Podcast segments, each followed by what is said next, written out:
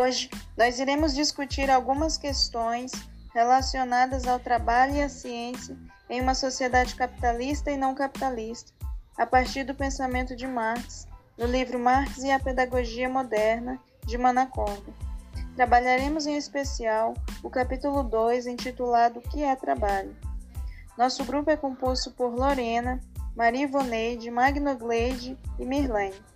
O trabalho é uma atividade vital, mas que, em decorrência do capitalismo, vem sendo impregnado por uma visão negativa, em que somos retirados pela divisão do trabalho. O homem está imerso no mundo do trabalho, mas não consegue se reconhecer no que produz, ou seja, fica alienado e segregado do produto final.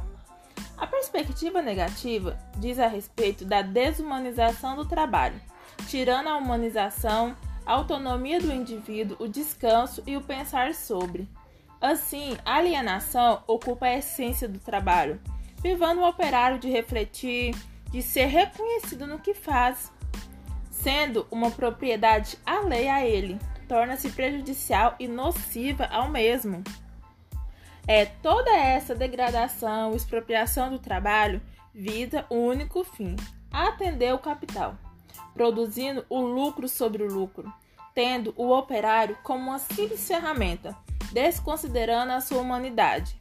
Desta maneira, o trabalho humanizador fica perdido. O trabalhador está associado a uma sociedade capitalista, que ocorreu a partir do surgimento da propriedade privada, que emergiu nos modos de produção capitalista, em que o trabalhador tem sua atividade fragmentada pela especialização. Por exemplo, a produção numa confecção de roupas. Tem uma pessoa que faz a modelagem, tem um estilista, um cortador, uma pessoa para fechar, outra faz a barra, outra o acabamento. Então, uma peça passa por várias pessoas na linha de produção. Cada pessoa é responsável por uma única tarefa. De acordo com Marx, o trabalhador se empobrece na medida em que a força criativa do seu trabalho passa a fazer frente à força do capital. Dessa maneira, ele se aliena e o trabalho passa a ser uma força de produção de riqueza. O autor relata que a divisão dentro da fábrica é o resultado da divisão da sociedade, que acaba por limitar o desenvolvimento do indivíduo e assim destrói toda a especialização, tornando-se benéfico ao capital, pois o operário passa a ser versátil e sempre disponível para os requisitos da produção.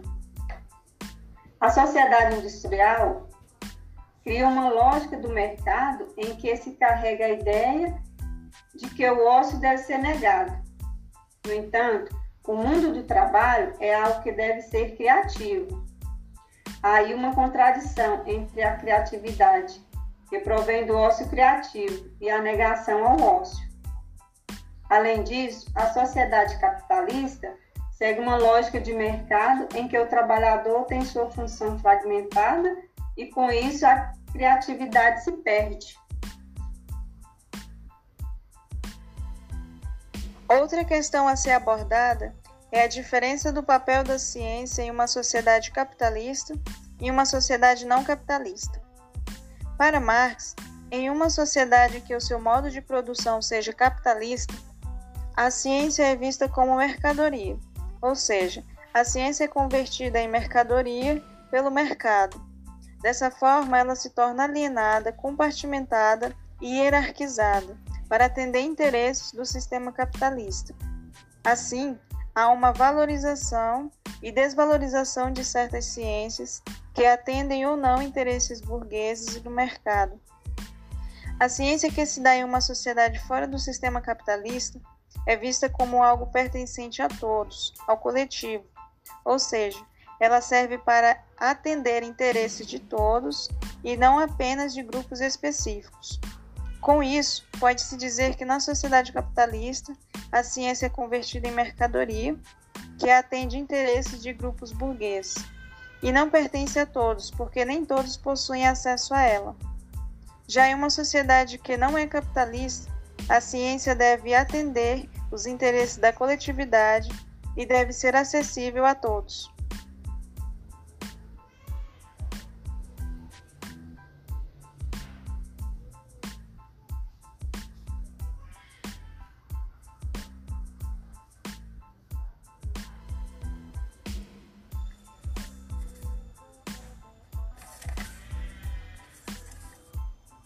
A ciência, como já foi dito, possui um papel social muito grande, muito grande, causando impactos positivos e negativos na sociedade.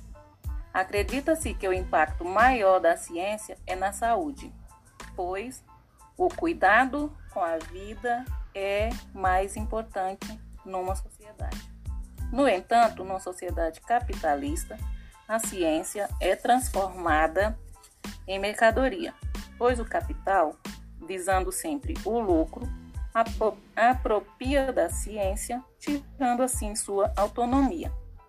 Diante de vários exemplos, está a produção de vacinas, que numa sociedade capitalista é, é, não é para todos. Sem investimento público, fica difícil o acesso gratuito. Outro fator que podemos citar é o tempo que leva para ser disponibilizado as vacinas. Exemplo, a vacina H1N1, que, que é disponibilizada para determinados grupos, denominados grupos de risco. Já a vacina da dengue, há tanto tempo de estudos, ainda está prevista para 2022.